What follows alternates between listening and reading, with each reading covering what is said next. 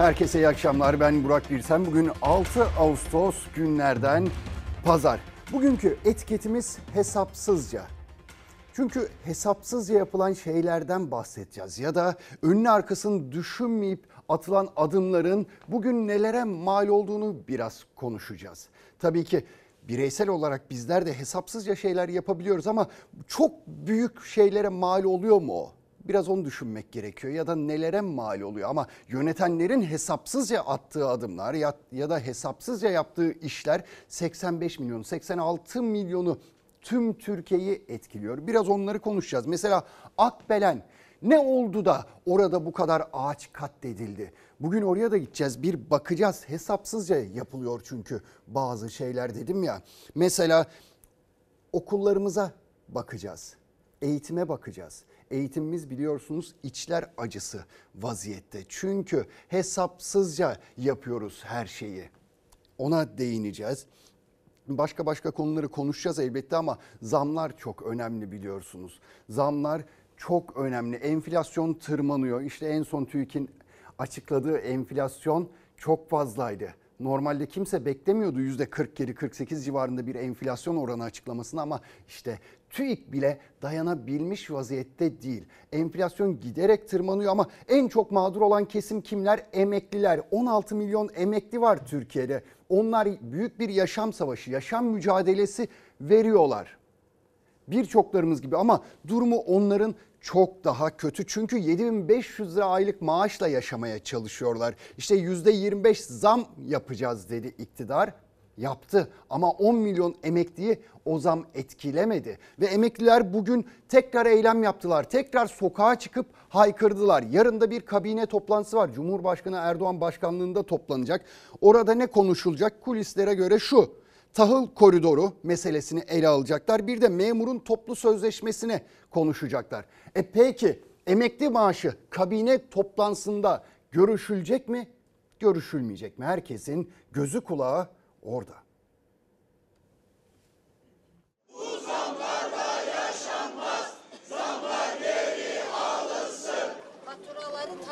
Tarihin en sıcak günlerinden Boş tencerenin kaynamasını istiyorlar. Boş tencere kaynamaz. yeter artık diyoruz. Zamlar geri alınsın. Boş tencerede fatura yakıp taş kaynatarak ses yükseltti başkentte. İşçisi, emeklisi, sağlık çalışanı, ev hanımları.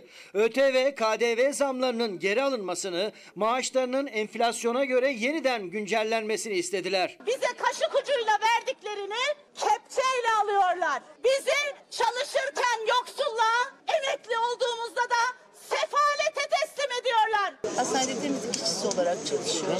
51 yaşındayım. Henüz emekli olamıyorum. 7500 lira emeklilik ücretiyle nasıl geçineceğimi düşünerek iki çocuk okutuyorum. Kira veriyorum. İnsan gibi yaşamak istiyoruz. İnsanca ücretler istiyoruz. ÖTV, KDV artışlarıyla akaryakıttan gıdaya, ilaçtan ev kiralarına kadar her şey zamlandı. Temmuz ayında aylık enflasyon da %9,9'la son yılların rekorunu kırdı. Tüketici Hakları Derneklerinden emekli sendikalarına, diş hekimlerinden kamu mühendislerine, ev hanımlarına kadar sivil toplum kuruluşları başkentte sokağa çıktı, zamlara ses yükseltti. Yağmur gibi yağmaya devam eden zamlardan açlık ve yoksulluk patlamış durumdadır. Dolaylı vergiler kaldırılsın. en temel hakkımız olan bütün beslenme, bütün yakıt, bütün bunlara zam üstüne zam geliyor. Bu zamlar geri alınsın istiyoruz. İsyan ediyoruz. Benim oğlum Gazi Üniversitesi'nde son sınıfını okulunu bıraktı. 11 bin lira maaşına şoförlük yapacağım diye uğraşıyor. Bu hak mı? Bu reva mı bize? Benim kızım okuyor ve çalışarak okuyor. Markette çalışıyor. Okulunu o da mı yarım bıraksın? emekli maaşlarının mutlaka artırılması lazım. 7500'de geçinebilecek bir Allah'ın kulu yok. Kiraya yetmez bir 7500. Toplumun her kesimi zamlar geri alınsın diyerek hükümete seslenirken Cumhur İttifakı ortakları da emekli maaşlarına yılbaşı beklenmeden zam yapılsın derken pazartesi günü kabine Cumhurbaşkanı Erdoğan başkanlığında toplanacak. Sendikalar da toplantı öncesi seslerini duyurmaya çalıştı. Asgari ücret kira artışlarının altında kalmış. Böyle bir yaşam olur mu? Biz çalışırken verdiğimiz verdiğimiz primlerin karşılığında onurlu bir emeklilik istiyoruz. Yoksullukta büyük bir sağlık sorunu. Yoksulluğu görebilmek için pazar yerlerine dağılma saatlerine giderseniz, çöplükleri karıştıran yurttaşlarımızı gece görürseniz, insanların nasıl bir sefalet içinde olduğunu görürsünüz. 43 yıllık öğretmenim, emekli oldum ama halen çalışmak zorundayım. Benim aldığım emekli maaşı 12.400 lira. Ankara'da en düşük ev kiraları 16 bin lira. Hükümet yaptığı zamları geri alsın, çalışanlara ve emeklilere bugünün koşullarına göre ücret ödesin. Emekliler maalesef ki açlık yoksulluk içerisinde. Hükümetle zam pazarlığına oturan memurun 2 yıllık zam talebinin kabine gündeminde olması beklenirken emeklilerin, sendikaların çağrısı hükümete ulaşacak mı? İktidar zamlar geri alınsın, maaşlar yeniden güncellensin talebine yanıt verecek mi? En çok 7500 lira alan emekliler bekliyor. Emekliler günlerdir bekliyor, haftalardır bekliyor gerçi ama bir şey değişecek mi? Bakalım göreceğiz. Ben pek iyimser düşünmüyorum. Şimdi şu tabloya bir bakacak olursak ne zam yapıldı? Hani seçimlerden önce söylüyorlardı ya refah artacak diyorlardı. Rahat yaşayacaksınız diyorlardı. Ama işte tablo bu asgari ücrete %34 zam yapıldı. Emekliye %25 zam yapıldı ama %10 milyon emekliye o %25'te yansımadı. Yani yaya kaldı o emekliler. Memura %50 ile 80 arasında bir zam yapıldı. En yüksek zam memura yapıldı. Tabii ki yapılacak. Normalde herkese bu şekilde zam yapılması gerekiyor. Şu tarafı bir boş geçelim. Şu iki sütunu boş geçelim. %50 ile 80 arasında yapılması gerekiyor ama yapılmıyor. Gerçi onlar da şanslı mı derseniz hayır bence onlar da şanslı değil. Çünkü sonuçta hep kasa kazanıyor hep iktidar kazanıyor. Çünkü yaptıkları zamdan daha fazlasını vergi zamlarına yansıtıp sizin benim cebimizden geri alıyorlar. Hep kasa kazanıyor maalesef. Ya da işte kim kazanıyor? Hafta içi belki okumuşsunuzdur, duymuşsunuzdur. Ne olmuştu? İşte kamu bankalarının yönetim kurulu üyelerine yüzde yüz zam yapılmıştı. Ya arkadaş onların ayrıcalığı ne? Onlar Türkiye'nin başka bir kestinde mi yaşıyorlar? Onlar bu enflasyonun dışında bir enflasyonla mı karşı karşıyalar da? Onlara yüzde yüz zam, AK Partililerin de içinde olduğu yönetim kurulu üyelerine yüzde yüz zam yapılırken kamu bankalarında emekliye niye yüzde yirmi beş reva görülüyor? Ya da 3-5 yerden maaş alan AK Partili bürokratlar huzur içinde yaşarken emekli niye açlığa terk ediliyor, sefalete terk ediliyor? Bunu sormak gerekiyor ama ne yazık ki yönetenlerin yapamadığını, merkezi yönetimin yapamadığını çünkü yönetenler sözünde durmadılar ve bu noktaya getirdiler işi. Neyse ki hala daha iyi insanlar var. İyi yöneticiler var. Onların başında da kim geliyor? Mansur Yavaş geliyor. Genelde bu zor durumlarda kendisi öncülük yapıyor Türkiye'ye. Ve dün bir kampanya başlatmıştı. Emeklilere sahip çıkacaktı. Ve öyle de oldu. 24 saatte 3000'den fazla başvuru oldu kampanyaya. Ne kadar maaş alıyorsun? Yedi buçuk. Ev kendimin olmazsa öldüm. Az buçuk çalıştık emekli olduk. E şimdi işe gireyim desem hem emeklisin diyorlar hem engellisin diyorlar. Yani ne yapalım seni? Yani şu anda yani 7500 lira maaş alan bir insanın yardıma değil, yardım yardım yardım yardıma muhtaç bir halde.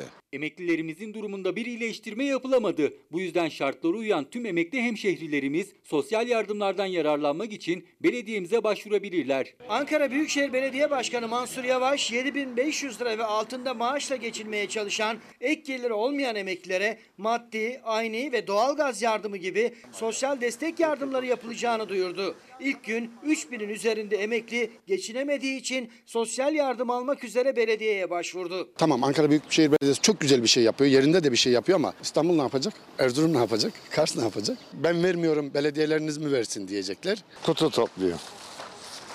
Gör.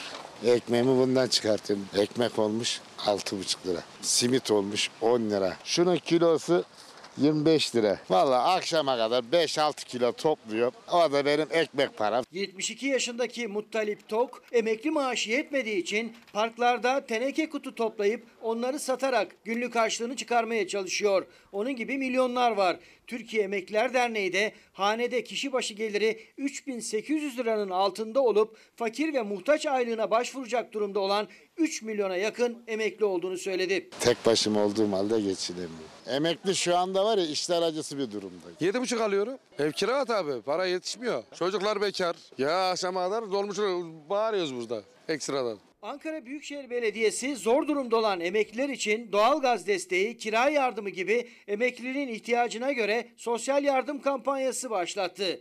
AK Parti Büyükşehir Grup Başkan Vekili Mamak Belediye Başkanı Murat Köse, ihtiyaç sahibi emeklilere destek olacaklarını açıklayan Mansur Yavaş'ı halkı istismar etmekle suçladı.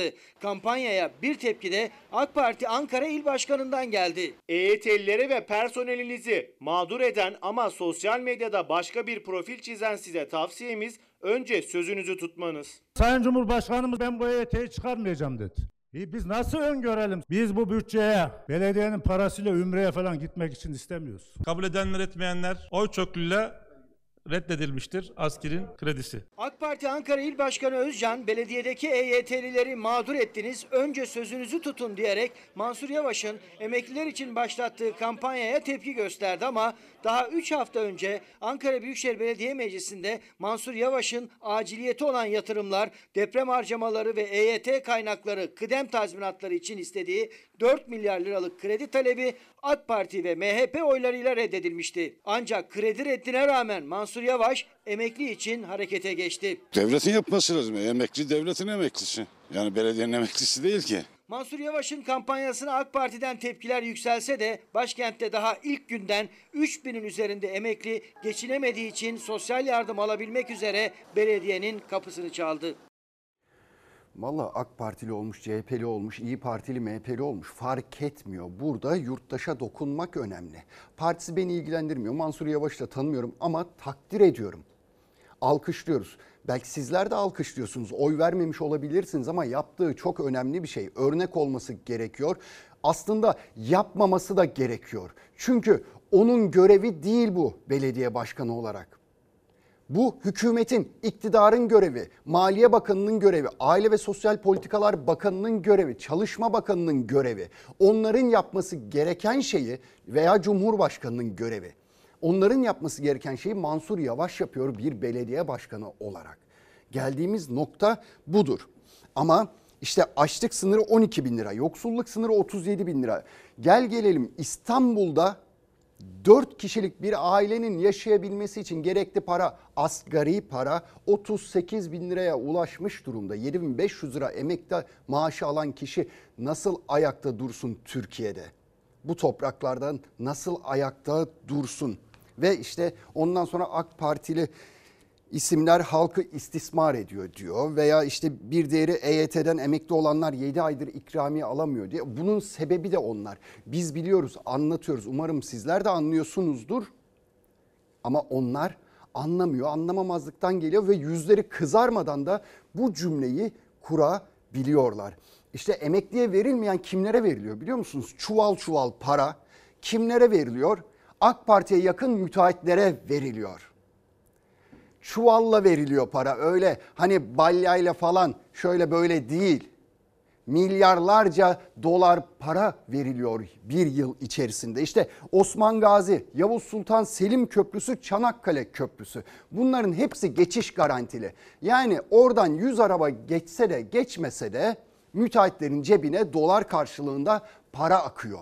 Milyonlarca dolar para akıyor. AK Parti'ye yakın müteahhitler ama bunlar. Başkaları değil.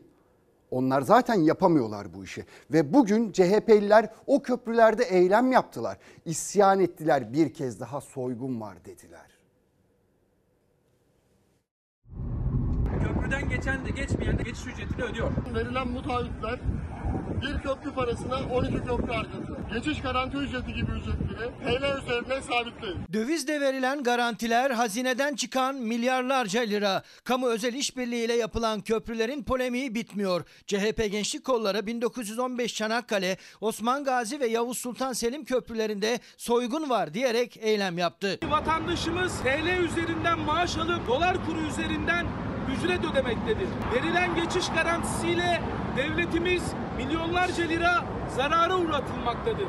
Devletin kasasında bugüne kadar milyarlar çıktı ve çıkmaya da devam edecek. Mesele köprü yapmak, köprüden geçmek değil. Mesele köşeyi dönmek. Sözleşmeyle köşeyi kimin döndüğü de ortadadır. Üç büyük projenin yıllık araç geçiş garanti sayısı 80 milyon aracın üzerinde. Ama bu sayıda geçiş gerçekleşmiyor. Kur farkıyla da zarar her geçen gün daha da büyüyor. Karayolları Genel Müdürlüğü'nün raporuna göre kamu özel işbirliği ile inşa edilen otoyol ve köprüler için devletin kasasından garanti ödemeleri kapsamında bu yılın ilk 6 ayında 23 milyar 768 milyon lira çıktı. Geçen seneye göre artış %167 çünkü kur arttı. Devlet kasasından tek kuruş harcanmadan inşa edilen projenin devlete üste kazanç da sağlamaya başladığını gösteriyor. Osman Gazi Köprüsü. Maliyeti 1 milyar 200 milyon lira. 7 yılda bu köprüye 4 milyar 600 milyon dolar para ödendi. 2035'e kadar daha ödeyeceğiz.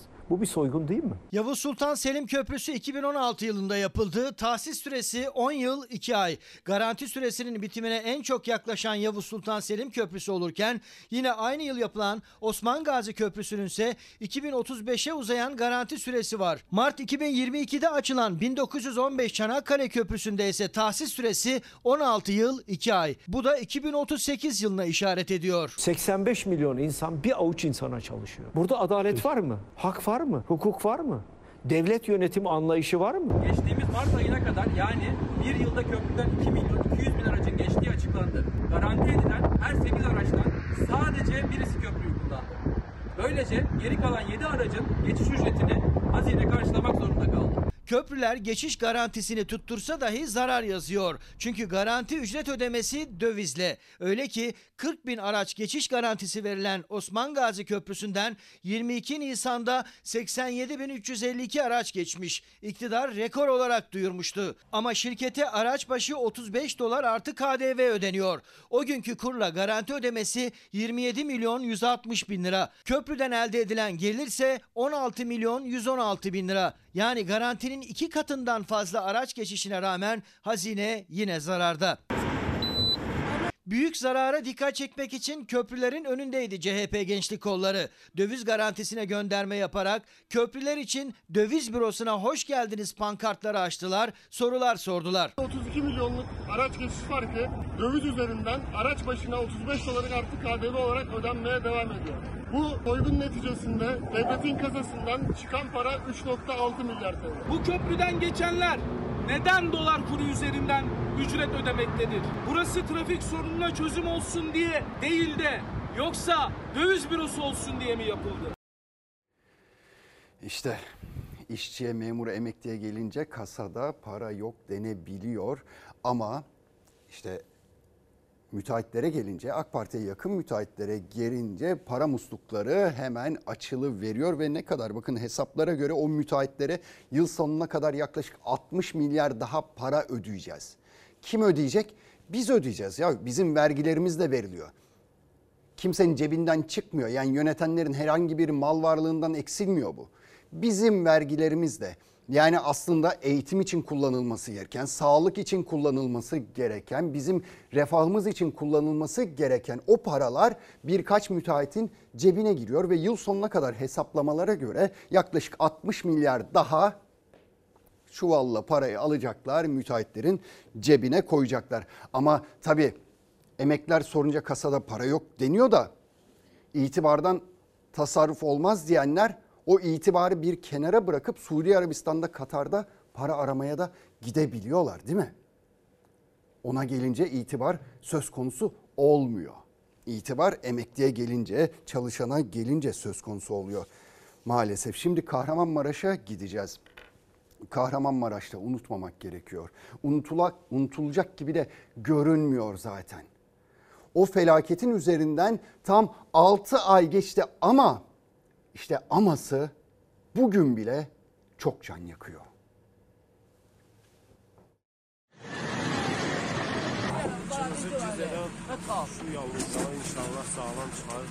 Küçük bir çocuk dört katlı apartmanın enkazından çıktı. En önemli ihtiyaç da evlerine giremedikleri için çadırlar. Enkazdan sapa sağlam çıkarttılar.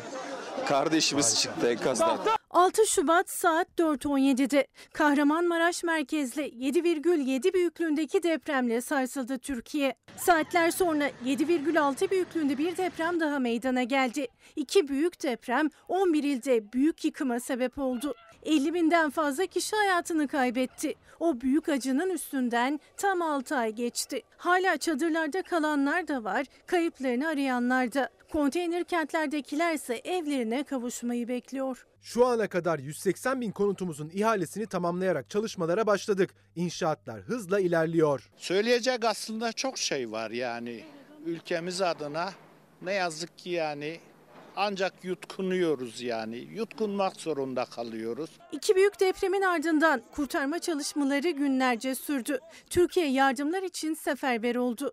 Yakınlarını, evlerini kaybedenlerin yaşadığı büyük acıyla yaklaşık 15 milyon kişinin hayatı bir gecede sarsıldı. Çevre ve Şehircilik Bakanı 180 bin konutun ihale sürecinin tamamlandığını açıkladı. Depremin 6. ayında havadan kaydedilen görüntülerse felaketin boyutunun fotoğrafı oldu. Aradan geçen 6 ayda hala yakınlarına ulaşamayanlar büyük çaresizlik yaşıyor. Hatay Antakya'da cennetten bir kare diye satılan ve yerle bir olan Rönesans rezidansın enkazında kaybolan 55 kişiye hala ulaşılamadı. Kardeşim Nagihan Meryem Özgül e, ve bebeği Esila Özgül kayıp durumdalar. Lütfen çalışmalar hızlandırılsın. Bize esini bulun. Kaç ay geçti? Hiçbir ize rastlanılmadı. Yine Hatay'da çöken ilki apartmanında kaybolan Esin Kırık, Antakya'da enkazdan yaralı çıktığı söylense de bulunamayan 38 yaşındaki Muhsin Sedat Kaya hala bulunamadı. Gönlüm hep seni arıyor Neredesin sen? Bir yandan da tüm depremzedelerin hukuk mücadelesi sürüyor. İhmaller sonucu yıkılan binalarda yakınlarını kaybedenler 6 aydır sorumluların yargı önüne çıkıp hesap vermesini bekliyor. Biz e, 36 kişiyi kaybettik Ezgi Apartmanı'nda. E, 36 tane e, ailenin yüreğine ateş düştü. Nurgül Göksu adalet arayan annelerden. Kahramanmaraş'ta yıkılan 8 katlı Ezgi Apartmanı'nda oğlunu, gelinini ve 6 aylık torununu kaybetti. Apartmanın altındaki pastanenin kolonları kestiğini, usulsüz eklemeler yaptığını bilir kişiler de raporladı ama 6 aydır tek bir sorumlu yargı önüne çıkmadı. Biz hayatımıza normal devam edemezken e, dosyadaki işte adı geçen kişiler e, hala serbest. Bir tutuklama yok.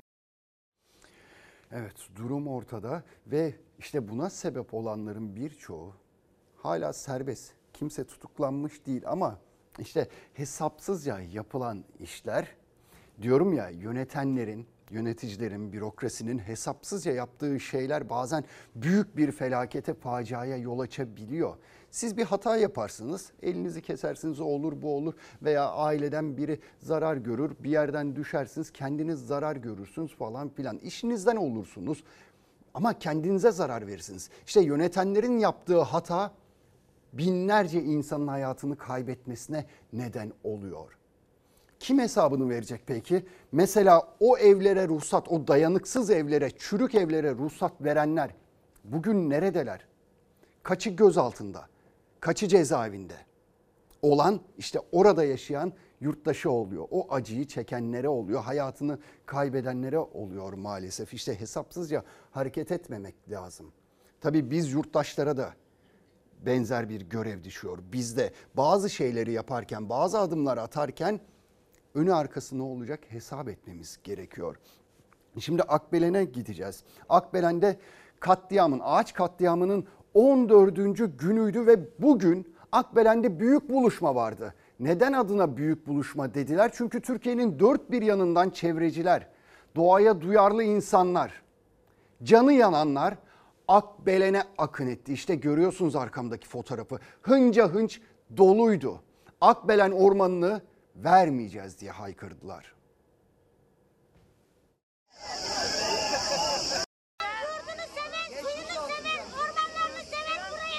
Solcular gelirse Halil'in nerelere kaçalım 14 gün önce Akbelen Ormanı'nda bir bir kesilmeye başladı ağaçlar. Bir hafta sürdü. Yaklaşık 90 futbol sahası büyüklüğünde orman bu hale geldi. İkizköylüler ise iki yıldır olduğu gibi nöbeti bir an olsun bırakmadı. Ağaç katliamının ikinci haftasında çevreciler ve sivil toplum kuruluşları destek için büyük buluşma eylemindeydi.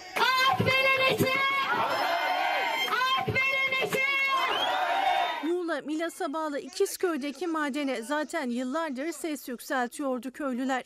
Hukuk mücadelesi de verdiler ama maden sahasının genişletilmesinin önüne geçemediler. İki hafta önce sabaha karşı jandarma etten duvar ördü. Maden şirketi ve Orman Bölge Müdürlüğü ekipleri ormana girdi. Bir hafta testere sesleriyle inledi İkizköy. Müdahaleye rağmen mücadeleyi bırakmadı köylüler. Ancak on binlerce ağaç kesildi. Mücadeleyi bırakmıyoruz demek içinse köylüler, çevreciler, sivil toplum kuruluşları yurdun dört bir yanından yola çıktı. İzmirli çevrecilerin Muğla'ya doğru giden otobüsü yolda üç kez polis tarafından durduruldu. Gücünüz bize mi yetiyor? Biz bu ülkenin doğasını, toprağını, taşını, ağacını korumak için gidiyoruz. Bize engel oluyorsunuz. Akbelen'e giderken üç defa gebede yapılacak bir yasa yok. Geç de olsa İkizköy'e ulaşmayı başardı çevreciler. Nöbet alanında buluştular. Akbelen Ormanı'na vermeyeceğiz pankartı eşliğinde yolu kapatarak yürüyüşe geçtiler.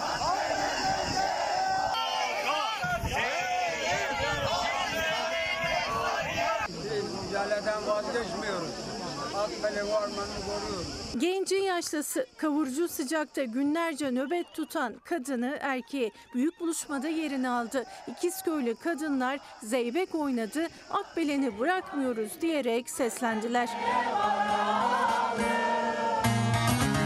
Kolcular gelirse Halil'in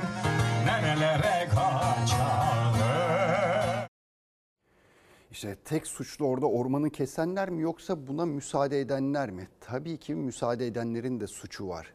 Yani meclisteki milletvekillerinin de bunda payı var. Ve salı günü meclis toplanacak olağanüstü Akbelen'i görecekler. Orada önemli bir samimiyet sınavı verecek o milletvekilleri de.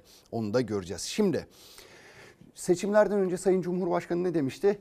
İşte mülakatı kaldıracağız demişti. Yahu daha fenasını gördük. CHP'li Süleyman Bülbül isme özel atama iddiasında bulundu. Adnan Menderes Üniversitesi usulsüz ve haksız kadrolaşmanın Türkiye'de en çok görüldüğü yer haline geldi. Adrese teslim bu kadrolarda anayasanın 10, 49 ve 70. maddeleri açıkça ihlal edilmektedir. Adrese teslim ihale gibi isme teslim kadro iddiası Aydın Adnan Menderes Üniversitesi'nde gündeme geldi. CHP Aydın Milletvekili Süleyman Bülbül açılan akademisyen kadrosuna hangi isimlerin atanacağını önceden bildi. O isimleri 10 Kasım 2022'de notere tasdik de ettirdi. Sonra Bülbül'ün dediği gibi oldu. İki akademik kadro noterde tasdik ettirilen tutanaktaki iki isme verildi. Adrese teslim kadro açılması zaten başlı başına bir rezalet. Daha büyük rezalet ise açılan kadroya atılan kişilerden birinin derhal emekli olmasıdır. Süleyman Bülbül'ün sözünü ettiği isim Adnan Menderes Üniversitesi Temel Tıp Bilimleri bölümünde histoloji ve embriyoloji bölümü için açılan kadroya Kasım ayında atandı. Doçentlik ünvanını da atamadan kısa bir süre önce alan o isim aynı bölümün senatosundan emekli olan bir profesörün eşi ve atandıktan iki hafta sonra da daha yüksek ücret üzerinden emekliye ayrılmış. Üniversite gibi bir eğitim kurumunda fiilen çalışmayacak, derse girmeyecek, muhtemelen tek bir öğrenci yüzü görmeden iki hafta sonra emeklilik isteyecek birisine kadro açmak anayasal bir suçtur. CHP milletvekili Süleyman Bülbül'ün noter onaylı atamalar diyerek gündeme taşıdığı iddiaya göre iki isimden bir diğeri de İletişim Fakültesi Halkla İlişkiler ve Reklamcılık bölümünde açılan kadroya atandı. O akademisyen 14 Mayıs seçimleri öncesinde Aydın İl Kültür ve Turizm Müdürüyken AK Parti'den milletvekili adayı olmuş, kazanamayınca kendisi için bekletilen kadroya Haziran ayında ataması yapılmış. Kişi AKP'nin Aydın 6. sıra milletvekili adayı oluyor. Seçilemezse işi hazır. Seçimlere kadar bekliyor. Seçilemeyince hazır kadroya oturuyor. Üniversite çevresinde açılan kadrolara aylar öncesinden hangi isimlerin atanacağı biliniyor. Öyle ki CHP'li vekil Süleyman Bülbül o isimleri noterde tasdik de ettiriyor. Sonra da beklenen atamalar iki isme tam isabet gerçekleşiyor. YÖK ve yargı kararlarına rağmen adrese teslim kadro atamalarının sonuncusu da Adnan Menderes Üniversitesi'nde böyle hayata geçiyor. Aradıkları liyakat değil, tek adam rejimine sadakattır. İsme teslim kadro iddiaları siyaseti ısıtırken kamuda iş sahibi olmak, açılacak bir kadroya yerleşmek için bu yıl 572 bin genç KPSS sınavlarına başvuru yaptı. Temmuz'da başlayan sınav maratonu Ağustos'un ilk haftası sona erdi. Adaylar 25 Ağustos'ta açıklanacak sonuçlara kilitlendi. Evet sizden gelen bir de tweet'i okuyayım. Bir beyefendi demiş ki hesapsızca para harcamak istiyorum ama maalesef bir emekli olarak iki haftada bir akşam saatlerinde pazara çıkabiliyorum. Keşke o pazar filesini de gerçekten ne kadar doldurup doldurmadığında yazsaymış o beyefendi. Çünkü yani spor olsun diye pazara çıkıyor emeklerin birçoğu maalesef. Yani çünkü harcayacakları para yok ellerinde.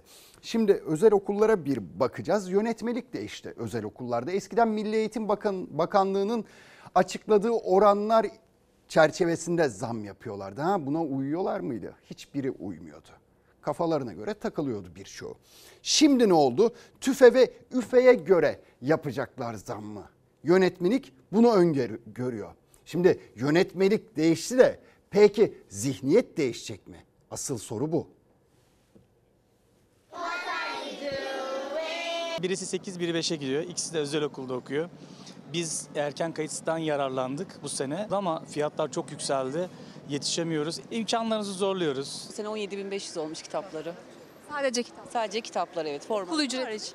Yani 150 bin lira, 150 bin lira falan. Sadece okula kalmıyor. Servisi, yemekhanesi, forması, kitabı. Bir senelik yani 250-300 bin lirayı buluyor. Fahiş artışları karşılamakta zorlanıyor veliler. İki yıldır zam sınırlaması getirilmişti özel okul ücretlerine. Bazı okullar uymasa da bu sene için %65 zam kararı alınmıştı. Yönetmelik değişti. Artık eskiden olduğu gibi üfe tüfe ortalamasına göre belirlenecek zamlar. En fazla %5 daha enflasyon payı eklenebilecek. Eğer bugün o kanun geçerli olsaydı bu sene için 57.65 oranında bir zam gerçekleşmiş olacaktı. Veliler için hangisinin avantajlı olduğunu aslında enflasyon oranı belirleyecek. Enflasyonun yükseldiği durumlarda burada eskiye dönülmesi veliler üzerinde daha olumsuz bir etkiye yol açabilir. Enflasyon hızla yükselirken özel okul zamları da yeniden enflasyona bağlandı. Milli Eğitim Bakanlığı'nın 2023-2024 eğitim yılı için belirlediği %65'lik zam sınırı ise geçerli. %65 oranı üzerinden 50 bin lira 82 bin 500'e geliyor.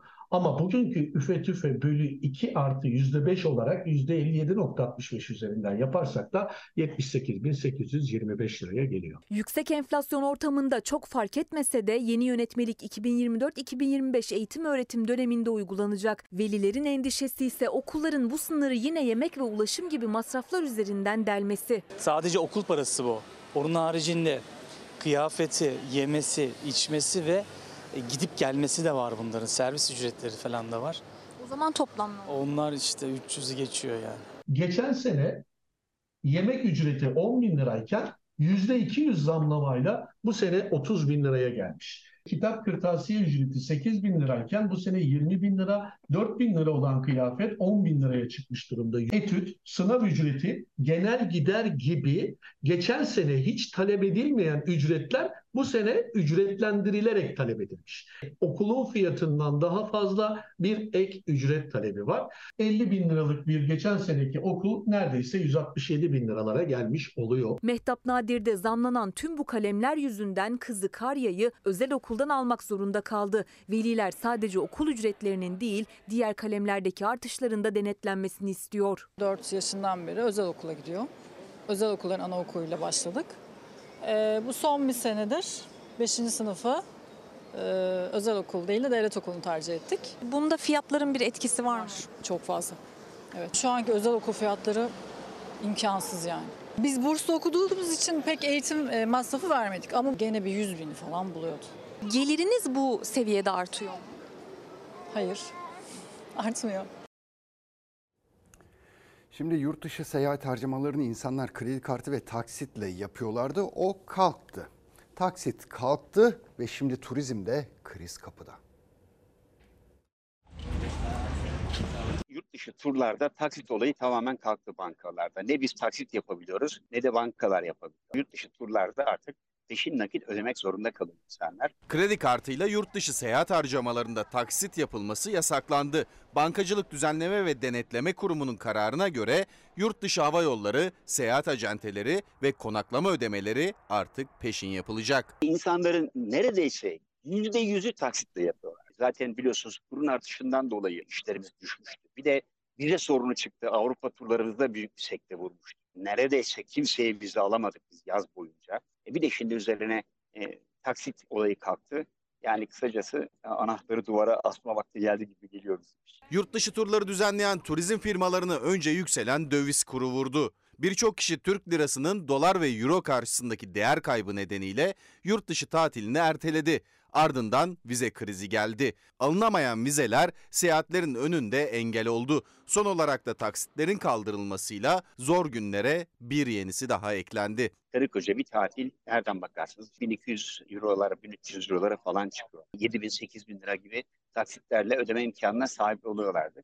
Şimdi e, 50-60 bin lira parayı nakit olarak bize getirmek zorundalar. Bir de turda harcayacaklar. İnsanlar böyle bir imkanı maalesef bulamıyor. Bu nedenle tur satışlarımız bayağı e, geriye gitti. Eskiden 3 taksitle ödenebiliyordu yurt dışı turları. Örneğin 30 bin liralık bir seyahat eskiden 10 bin liralık taksitler halinde ödenebiliyordu. Üstüne bir de bankalar ek taksit imkanı sunuyordu. Artık tüketici nakit ödemek zorunda. Bir de zorunlu olarak yurt dışına gidip gelmesi gereken insanlar var, öğrenciler var, orada çalışanlar var. Uçağa da taksit yapılmayacak artık. Doğru söylüyorsunuz. Yani e, bugün bir Amerika biletleri nereden bakarsanız bakın 70-80 bin lira. E, iki kişi, üç kişi gittiklerini düşünün bu insanların. 300-400 bin lira gelip bize peşin nakit para ödemek zorundalar. Yurt içi pazarda herhangi bir hareketlilik yaratır mı? Hayır yaratmaz. Yani bu yurt içi pazarı olumlu etkiler diye bir şey söyleyemeyiz. Kararın tam da yaz sezonunda tatilciyi yurt içi turizmine yönlendirmek maksadıyla alındığı iddiası ise sektör temsilcilerine göre doğru değil. Turizmciler taksit sınırının yerli turizmciye de yaramayacağı görüşünde. Taksit sınırından Kuzey Kıbrıs Türk Cumhuriyeti de etkilenecek. Kuzey Kıbrıs Türk Cumhuriyeti biliyorsunuz yavru vatan. Ee, en doğrusu Kuzey Kıbrıs Türk Cumhuriyeti'nin yurt dışı olarak kabul edilmemesidir. Çünkü biliyorsunuz rahatlıkla kimlikle girilebiliyor. Ee, bu anlamda e, dövizle bir satış söz konusu değil. Kuzey Kıbrıs Türk Cumhuriyeti'nin bu konudan muaf tutulabileceğini düşünüyorum. Eskiden çocukluğumuzda, gençliğimizde yaz sıcaklarında soğuk karpuz tüketirdik. Bol bol yerdik. Her gün yerdik ama artık o karpuz serinletmiyor, yakıyor insanı. Ne kadar aldınız? Ya hiç sormayın abla, hiç sormayın. Şöyle sesinden anlaşılıyor zaten belli. 10 kilo gelse 100 lira bir karpuz. 100 liraya bir karpuz al ye. Ne yapacaksın? Peynir de alsak zaten 200-300 oluyor. Karpuz peynir keyfi 300 lirayı buluyor. Yaz meyvelerinin fiyatları tam mevsiminde hala yüksek. Etiketler 20, 30, 40 lira diye yükselirken karpuzun kilosu ortalama 10 lira. Psikolojik sınırın altı 9 lira 99 kuruş yazsa da etiketler tüketici karpuzu tane beyaz peyniri kiloyla alırsa en az 300 lirayı gözden çıkarmak zorunda. Karpuzun sesi güzel ama kilosu 10 lira. Bir tanesi de 10 kilodan fazla olunca fiyatı 100 lirayı geçiyor. Biraz daha küçük karpuzlar var. Onların da kilosu 18-20 lira. Siyah karpuzlar güzel. 17 lira onun kilosu, 18 lira. Zaten alamıyoruz ki. Yaz sıcağı kavururken yaz sebze meyvelerinin ateşi de düşmedi. Yazın en sevilen meyvelerinden karpuz. O da serinletmiyor, aksine cepleri yakıyor. Temmuz ayının başında 8,5 liraydı. Fiyatı düşsün diye beklenirken mazota gelen zamlarla diğer meyveler gibi karpuzun da fiyatı arttı. Bir fasulye 70 liraya yakın. Yani buna bir çözüm olsun. Kızcağız gördüm şimdi iki tane domates aldığı için parçalandı. İki domates alınır mı bir eve? Fiyatları zaten çok pahalı da onun haricinde kalitesi de bu şekilde. 64.99, 65 lira. Evet. Ucuz bir şey kalmadı şu an uygun. Karpuz alıyor musunuz? Yani bayağıdır almıyoruz. Karpuz da pahalı. Şimdi 100 liradan aşağı iyi bir karpuz yok yani. Karpuz yaz günlerinde öğün olarak tüketiliyordu. Tabii yanında beyaz peynirle. Çok severiz de daha ben şimdiye kadar bir tane karpuz aldım. Vallah ve de billahi evime bir tane karpuz. Alamıyoruz çünkü çok pahalı. Dilimli de satılıyor. Onu da sevmiyorum. Ee, mikrop üretiyor. Üstü açık. Geçen de pazardan aldık. O da 30 TL'ydi. O da kokmuş haldeydi ama çok pahalı. Bir dilim, küçük dilim. Dilimini 30 liraya aldım. Dilimini, o da ipince bir dilimini 30 aldık. Çok pahalı. Hadi öbürlerini anlatmam mümkün değil. Artık sayıya düşeceğiz herhalde. Belki sayıyla da yiyemeyeceğiz. 200'den aşağı bir şey peynir yok zaten. Şöyle bir karpuz alayım desen yani böyle nereden baksan 80-90 lira. Belki 100 lira. Sıcak yaz günlerinin en sevilen menüsü karpuz peynir. Şimdi 150 liralık bir karpuzun yanına bir de beyaz peynir almaya kalksa onun da kilosu 250 lira. Beyaz peynir fiyatları 150 lira ile 250 lira arasında değişiyor. Artık karpuz peynir menüsü için ortalama 300 lira gerekiyor. Bu bir anda oluşan bir şey de değil. Hani gitgide ekonominin daha da kötü olmasından dolayı bu fiyatlar da enflasyonla birlikte artıyor. Tabii şimdi yönetenlere sorarsanız ne yapalım diye onlar porsiyonu küçültün derler. Ama kendileri ejder meyvelerini yemeye devam ederler. Şimdi Ümit Bey demiş ki yazması okuması kolay ama 17-40 yıl yaşaması zor. Biz 2000'ler adil, eşit, kademeli emeklilik bekliyoruz demişler. Bakan Işıkhan kademe diye de eklemişler. Evet gerçekten böyle bir adaletsizlik var. Bu adaletsizliğin giderilmesi lazım. Tıpkı EYT'deki adaletsizliğin giderildiği gibi kademeli emekliliğin gelmesi lazım. Bir de ne gelmesi lazım biliyor musunuz? Promosyonda adaletin gelmesi lazım. Çünkü hala da bazı patronlar çalışanın hakkını, promosyon hakkını gasp etmeye devam ediyorlar. Mecliste buna da bir çözüm bulunması lazım. Ve işte bu ekonomik şartlar belki de bizi gerçekten tanınmaz hale sokuyor.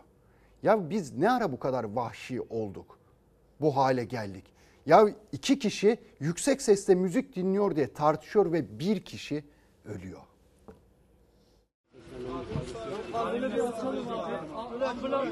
İşinde gücünde güzel bir insandı. Trafikte seyir halindeyken yüksek sesle müzik açtı. Yanından geçen motosikletli uyardı. Tartışma kavgaya dönüştü. Sürücü bıçaklandı. İki çocuk babası Sinan Çalışkaneli hayattan koparan motosikletli kayıplara karıştı. İstanbul Güngören'de yaşandı gürültü cinayeti. Otomobiliyle ilerleyen 38 yaşındaki Sinan Çalışkanel arkadaşıyla birlikte kendi aracında müzik dinliyordu. O sırada yanından geçen motosiklet sürücüsü tarafından uyarıldı. İkili arasında tartışma yaşandı. Aracından inen çalışkan eli motosiklet sürücüsü bıçaklayıp kaçtı. Olay yerine gelen sağlık ekipleri yaralı adama dakikalarca kalp masajı yaptı ama tüm çabalara rağmen Sinan Çalışkanel kurtarılamadı. Polis motosiklet sürücüsünü arıyor. Evet rüzgar uçuruyor, dolu vuruyor, dalgada yıkıyor. Türkiye sıcak ve bazı bölgelerde fırtına, dünya ise şiddetli yağmur, sel, dev dalgalar, heyelanlarla mücadele ediyor. İklim krizinin faturasını her bölge farklı şekilde ödüyor. Türkiye günlerdir termometreleri bile zorlayan sıcakla sınanıyor. Uzmanlar gerekmedikçe dışarı çıkmayın uyarılarını tekrarlarken Erzurum'da hafta içi etkili olan şiddetli rüzgarda şemsiyeyle havalanan bir vatandaşın görüntüsü takıldı kameralara. Buradaki patateslere değmese zaten Yenişehir'e kadar uçacaktı. Palandöken'de Burak Abuç çalıştığı manavın önündeki şemsiye havalanınca yaklaşık 5 metre savruldu. Yaralanan Abuç 2 günlük tedavinin ardından taburcu edildi. İklim krizi dünyadaysa şiddetli yağışlar ve tayfunlarla gösteriyor kendini. Maldivler'de sahile vuran şiddetli dalga insanları ve motosiklet sürücülerini böyle sürükledi. Dalgaların metrelerce yükseldiği o kıyıda iki araç da suya gömüldü. Almanya ise Ağustos ayında gelen dolu fırtınasıyla beyaza büründü. Reutlingen şehrinde etkili olan şiddetli dolu yerde 30 santimetre kalınlığına ulaştı. Kar küreme araçları sokakları temizlemeye çalıştı. Türkiye'nin komşusu Gürcistan'da şiddetli yağışlar toprak kaymasına neden oldu. 17 kişi hayatını kaybetti. 18 kişi ise kayıp. Arama kurtarma çalışmaları sürüyor. Çin, Japonya ve Tayvan'ın kabusuysa Kanun tayfunu. Hızı saatte 198 kilometreye ulaşan rüzgar nedeniyle hayat neredeyse tamamen durdu. Çin'de tayfun sonrası oluşan selde hayatını kaybedenlerin sayısı onu buldu. 18 kişinin kayıp olduğu biliniyor. Yaklaşık 600 bin kişi risk altında. Yağışların son 140 yılın en şiddetlisi olduğu açıklandı. Tele1 ekranı karartıldı. 12 Ağustos gecesi saat 24'te buradan yine Tele1 sizlerle birlikte olacağız. Sakın umudunuzu yitirmeyin diyorum. Evet, umudunuzu yitirmeyin, düşüncelerinizi, umudunuzu karartmayın diyelim. Hoşçakalın. Canlı yayında saatler gece yarısı 12'yi gösterdiğinde Tele1 televizyonunun ekranı 7 gün süreyle karardı. Başta Türkiye Gazeteciler Cemiyeti olmak üzere basın meslek örgütlerinden tepki yükseldi. Rütük'ün Tele1 televizyonuna verdiği bu ağır cezalar basın tarihine geçen kara bir lekedir. Rütük kuruluş yasasına uygun olarak görev yapmalı, tüm medya kuruluşlarına eşit mesafede durmalıdır. Tele1 Genel Yayın Yönetmeni Merdan Yanardağ terör örgütü elebaşı Öcalan'la ilgili açıklamaları nedeniyle terör örgütü propagandası yapmak suçlamasıyla tutuklandı. Kanala Rütük tarafından 7 gün ekran karartma cezası verildi. Önce mahkemeden yürütmeyi durdurma kararı çıktı ama Rütük bir üst mahkemeye başvurdu. Tele1 ekranı gece karardı. Ritük sadece Tele1'i cezalandırmakla kalmamış, halkın haber alma ve gerçekleri öğrenme hakkını elinden almıştır. Asıl cezalandırılan televizyonunu açtığında siyah ekranla karşılaşan izleyicidir. Basın konseyi de haber alma özgürlüğünün kısıtlandığına dikkat çekerken Tele1'in yayın yasağı 12 Ağustos gecesine kadar sürecek. Umudunuzu karartmayın diyelim. Hoşçakalın. Evet umudu karartmayalım. Güzel bir haber de verelim. Mete Gazoz milli okçumuz Almanya'daki turnuvada Kanadalı rakibini yenerek altın madalyanın sahibi oldu. Mete Gazoz olimpiyat şampiyonunun ardından 2023'te dünya şampiyonu oluyor. Mete Gazoz kürsünün zirvesine çıkıyor. Önce olimpiyat şimdi dünya şampiyonu oldu. Tebrik ediyoruz ve reklamlar diyoruz. Ana haber bültenini burada noktalıyoruz. Bizden hemen sonra yeni bölümüyle yaz şarkısı var. Yarın akşam Gülbin Tosun sizlerle olacak. Güzel bir hafta geçirmenizi diliyorum. Umarım yeniden buluşuncaya dek yüzünüzü güldüren güzel haberler alırsınız. Hoşçakalın. Ezilir yerler için